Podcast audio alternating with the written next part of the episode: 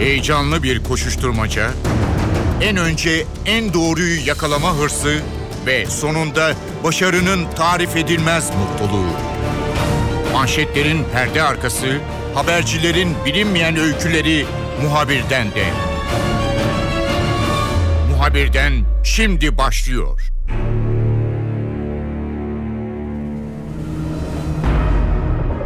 Muhabirden de herkesi yakından ilgilendiren bir dosyayı ele alacağız. Tüketici hakları.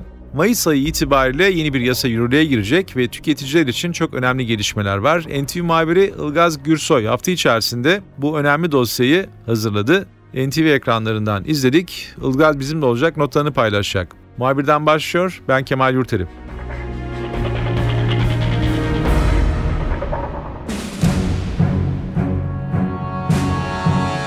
Hafta içerisinde NTV'de önemli bir dosya yayınlandı. NTV muhabiri Ilgaz Gürsoy önemli bir konuyu ekranlara taşıdı. Tüketici hakları aslında hepimizin şikayetçi olduğu, bir yandan hepimizin hak aramak istediği, mağdur olduğumuz bir konu. Günlük hayatımızı çok etkiliyor. Ee, birçok hakkımız var. Bunların bazılarını bilmiyoruz. Bazılarını kullanmak bize çok zahmetli geliyor veya mağdur olduğumuz zaman e, firmalar çok dolan başlı yollarla bizi tamamen farklı yerlere yönlendirebiliyorlar. Ilgaz bu konuyu ele aldı. Şimdi Ilgaz'la onu konuşacağız. Ilgaz 28 Mayıs'ta yeni bir yasa yürürlüğe girecek. Tam e, dönemini bilmiyorum ama e, neredeyse 10-15 yıl içerisinde bu tüketici hakları konusunda bir takım düzenlemeler adım adım yaşama geçiriliyor.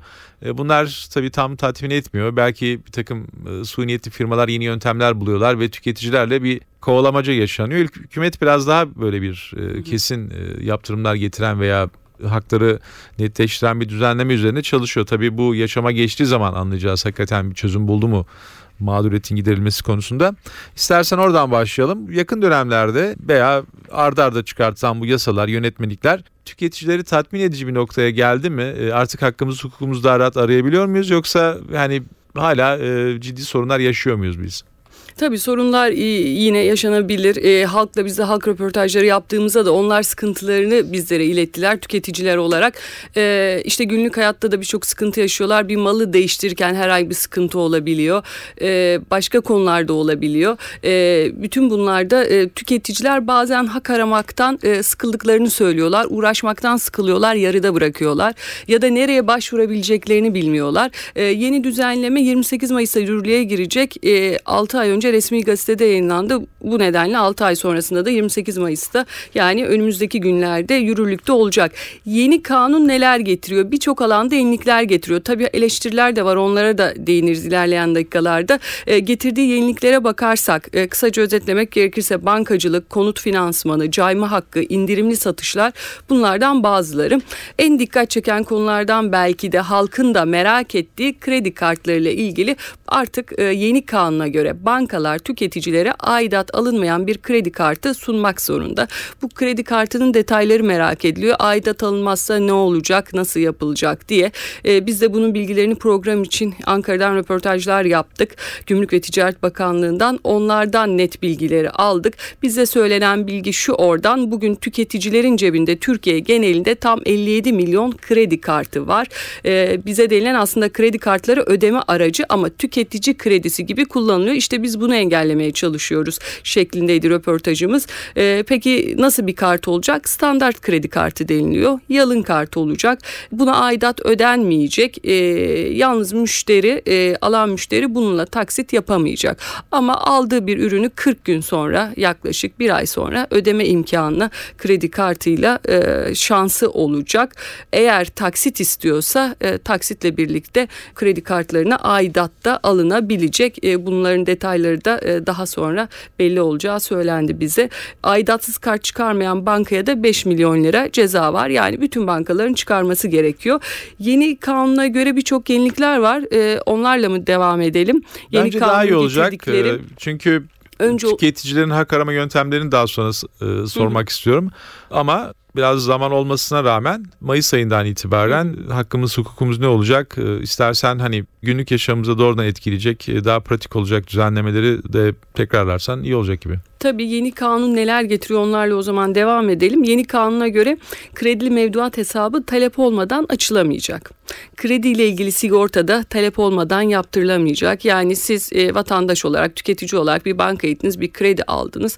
Bu krediyle birlikte e, size şu şu sigortaları da yapmamız gerekiyor denilemeyecek. İsteğiniz dahilinde bazı sigortalar yapılabilecek ve bunu isterseniz o bankadan değil başka bir yerden de başka bir kurumdan da yaptırma şansınız olacak. Seçme hakkınız da olacak. Ee, yeni kanun birçok alanda e, düzenleme getiriyor. Bunlardan bir de maketten yapılan konut satış, satışlarını kapsıyor. Maketten yapılan e, konut satış, satışlarında biliyorsunuz bir takım sıkıntılar yaşanıyordu. Bina yapılmadan önce tamamlanamıyordu. Belki e, müşteriler bu anlamda vatandaşlar sıkıntı yaşıyordu yaşayabiliyorlardı. Bunun akabinde getirilen bu maddeyle Türkiye'de ilk kez eğer firma süreçte sıkıntı yaşarsa binayı tamamlayamazsa sigorta şirketi kalan kısmı tamamlıyor. Böyle böylece de tüketicinin mağduriyeti engelleniyor. Burada Tüketici Derneği tarafından bir eleştiri var. Onu da altını çizelim. Çünkü bina tamamlama sigortası bütün projeler için geçerli olmayacak. Bu konuda bir eleştiri var. E, bu ancak bakanlığın uygun göreceği büyük projelerde geçerli olacağı bize söylendi. Bina tamamlama sigortası sorumluluğu. Eğer şirket ya da müteahhit inşaatı yarım bırakıp kaçarsa sigorta şirketi tamamlayıp tüketiciye dairesini ya da malı teslim edecek ama dediğimiz gibi büyük projelerde bu geçerli olacak. Yine vatandaşa aman dikkat diyelim bu noktada.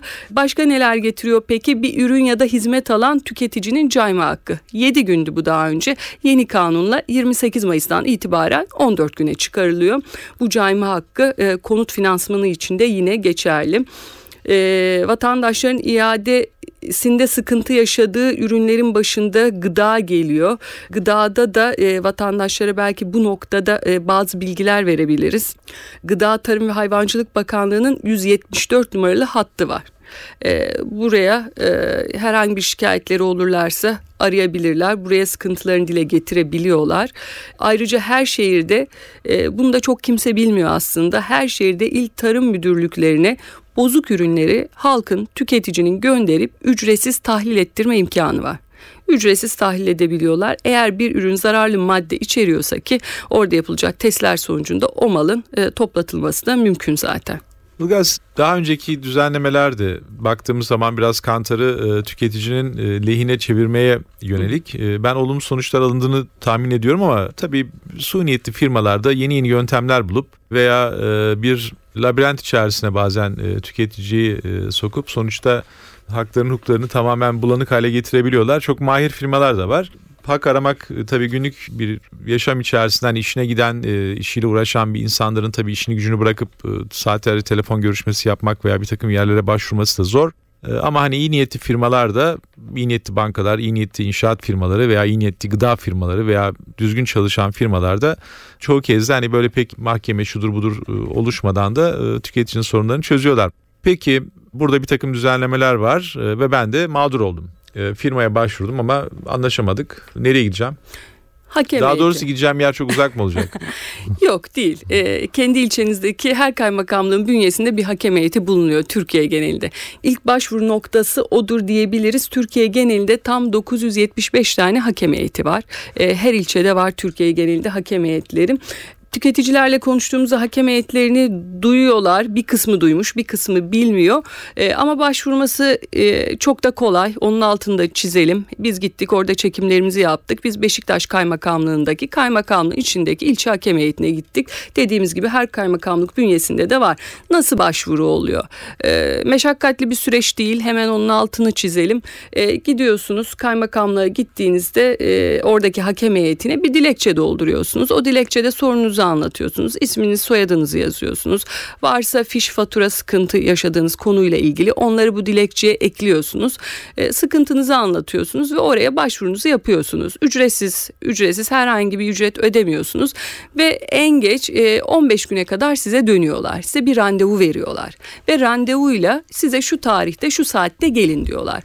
Ve biz gözlemledik orada dakika dakika hakikaten 5 geçe 10 geçe sarkmadan belirli süreçlerle orada e, çağrılıyorlar hakem heyetiyle görüşmeye. Tüketiciler orada sıralarını bekliyor. Ilgaz e, hakem heyetine müracaat e, hak kaybını yaratmasın. Yani hani cayma süren var. Bir ürünü aldım. İşte diyelim 15 gün içerisinde verebiliyorum veya X e, gün içerisinde.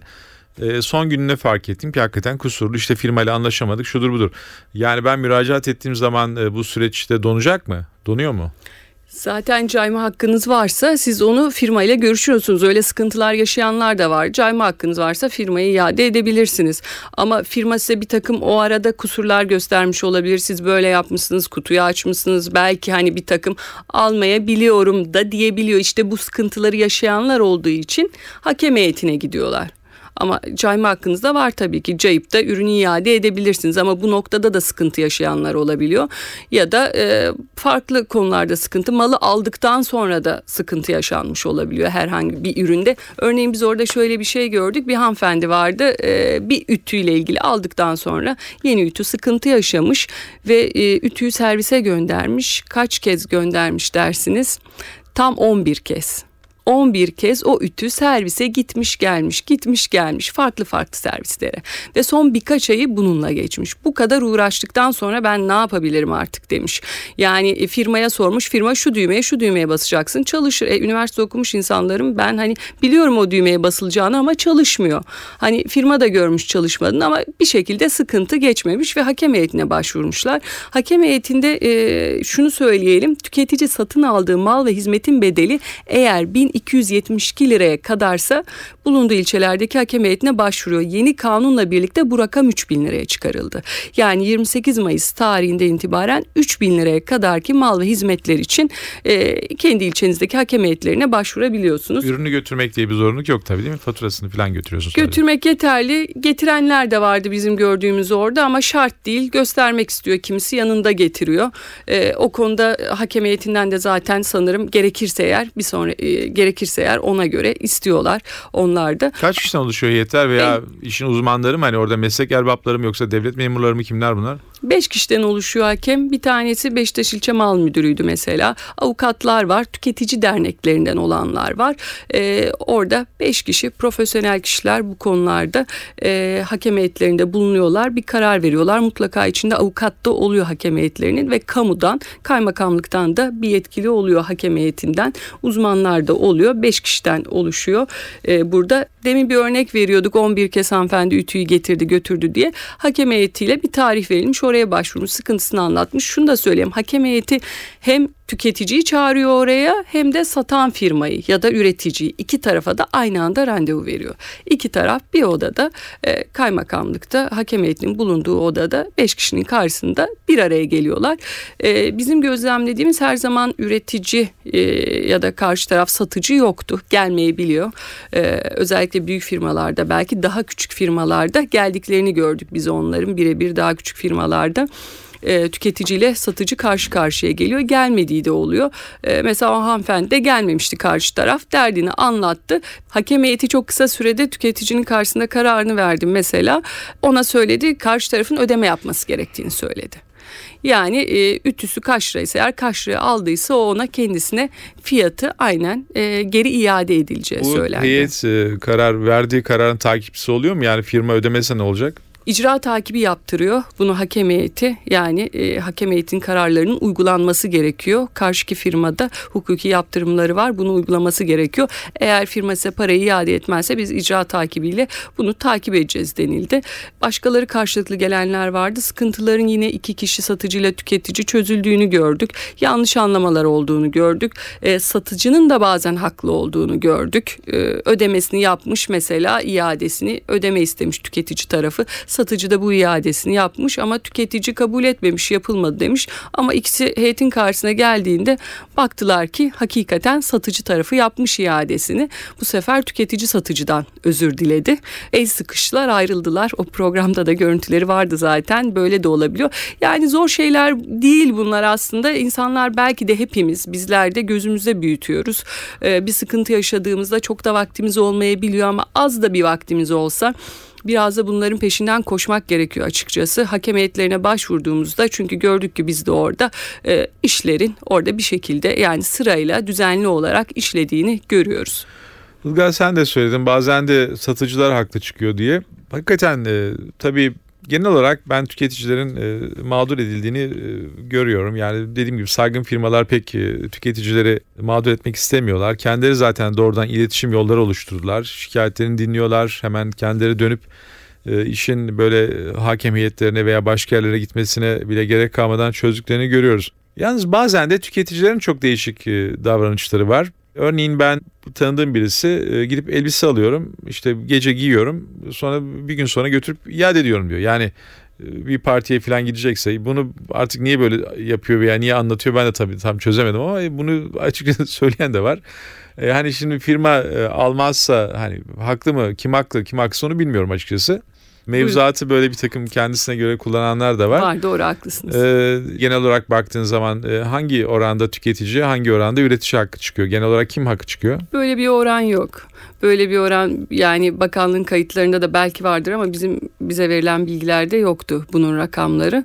Hakem heyetçileri mesela bir şey dediler mi bu konularda? Hani buraya gelen 10 kişiden bir tanesi haksız çıkıyor veya şöyle bir, bir oran var mı? O, onu netleştiremiyorlar ama bizim baktığımız hani gözlemlediğimiz gördüğümüz orada e, genelde tüketiciler haklı çıkıyor tüke, e, hakem heyetinde gözlemlediğimiz. Onun rakamlarını tabii net olarak vermiyorlar istatistiki olarak ama bizim gözlemlediğimiz e, 10 taneden 9'unda tüketici haklı çıkıyor burada. Çünkü şöyle bir şey var tüketici zaten hani hakikaten o sıkıntıda mağdur olmazsa eğer oraya gitmez zaten. Çünkü buraya bir vakit harcayacak, emek sarf edecek.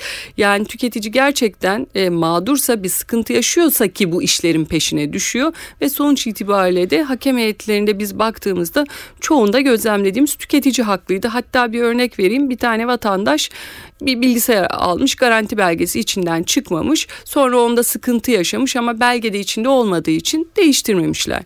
Bu kişi orada anlattı. E, tüketici tarafı yine haklı çıktı burada ve e, o kişiyle röportaj yaptığımızda bize dedi ben daha önce de tüketici olarak iki sıkıntı daha yaşadım dedi. İkisinde de hakem heyetine geldim. Benim lehimde karar vermişlerdi dedi.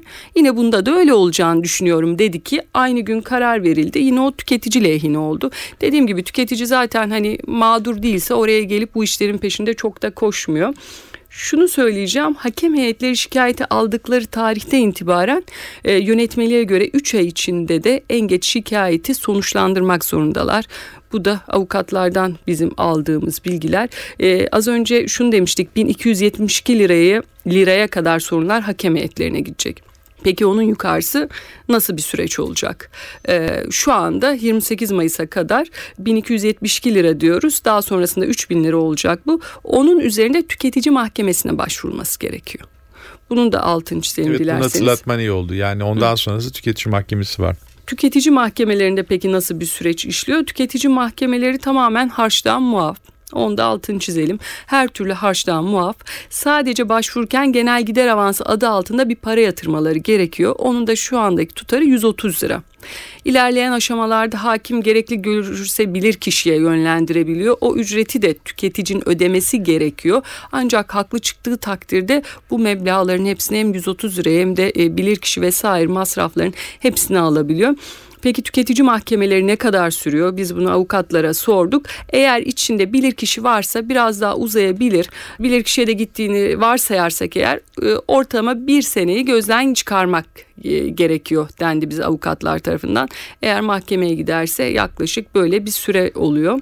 Bu limitleri onun için çok dikkat edilmesi gerekiyor. Çünkü bir noktayı burada eklemek istiyorum. Eğer hakem heyeti yerine örneğin siz e, daha düşük bir meblağdaki ürün için tüketici mahkemesine bir üst mahkemeye gidiyorsanız o mahkeme görevsizlik kararı veriyor. Yani bin liralık bir ürün için giderseniz tüketici mahkemesine onlar sizin bu işinize bakmıyor görevsizlik veriyor. Hem siz vakit kaybediyorsunuz hem mahkemeye vakit kaybettirmiş Hakem oluyorsunuz. yönlendiriyor anladığım evet, kadarıyla evet, dolaylı evet. şekilde. Müşteri hizmetlerinin bir takım belaları vardır. Hani sürekli arayanlar, sürekli şikayet edenler. Şimdi böyle e, hakikaten e, çok rahatsız edici ve firmaların sürekli takibinde olan hani sürekli bir takım sorunlar çıkartan tüketiciler var mı? Yani sürekli sorun yaratan üreticiler var. Ee, Yani bunlar hakikaten ya isim değiştiriyorlar, adres değiştirir, faaliyet alanı değiştirir. Belki ithal ettiği bir ürünün arkasında durmuyor. Yani böyle mimlenmiş bir takım davranış tarzı e, sergileyen firmalar var. Biraz da böyle mimlenmiş ve firmaların da illallah ettiği tüketiciler var mı sürekli hakaret? Vardır. Muhakkak vardır. Hani bizim gözlemlediğimiz öyle tüketiciler de vardı. Yani hakkını sonuna kadar e, arayan, bir daha bir daha bir daha başvuran ama haksızsa bunu yapmıyor. Onu da söyleyelim. Yani kim haksızsa gidip de bir firmayla e, günlerce uğraşır ya da aylarca uğraşır. Çünkü sizin de siniriniz bozuyor. Tüketicinin de canı sıkılıyor. Devamlı aklınızda o konu oluyor. Arıyorsunuz, arıyorsunuz. Bir vaktinizi harcıyorsunuz.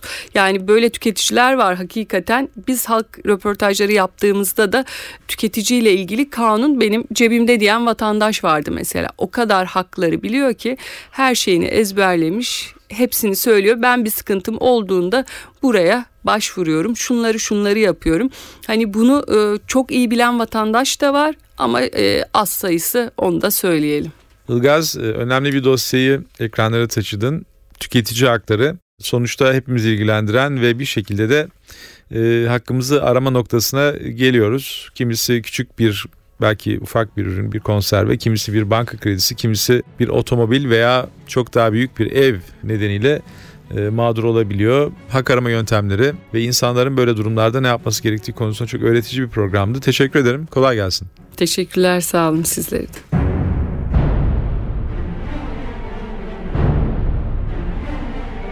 Muhabirden de bu hafta tüketici haklarına yakından baktık.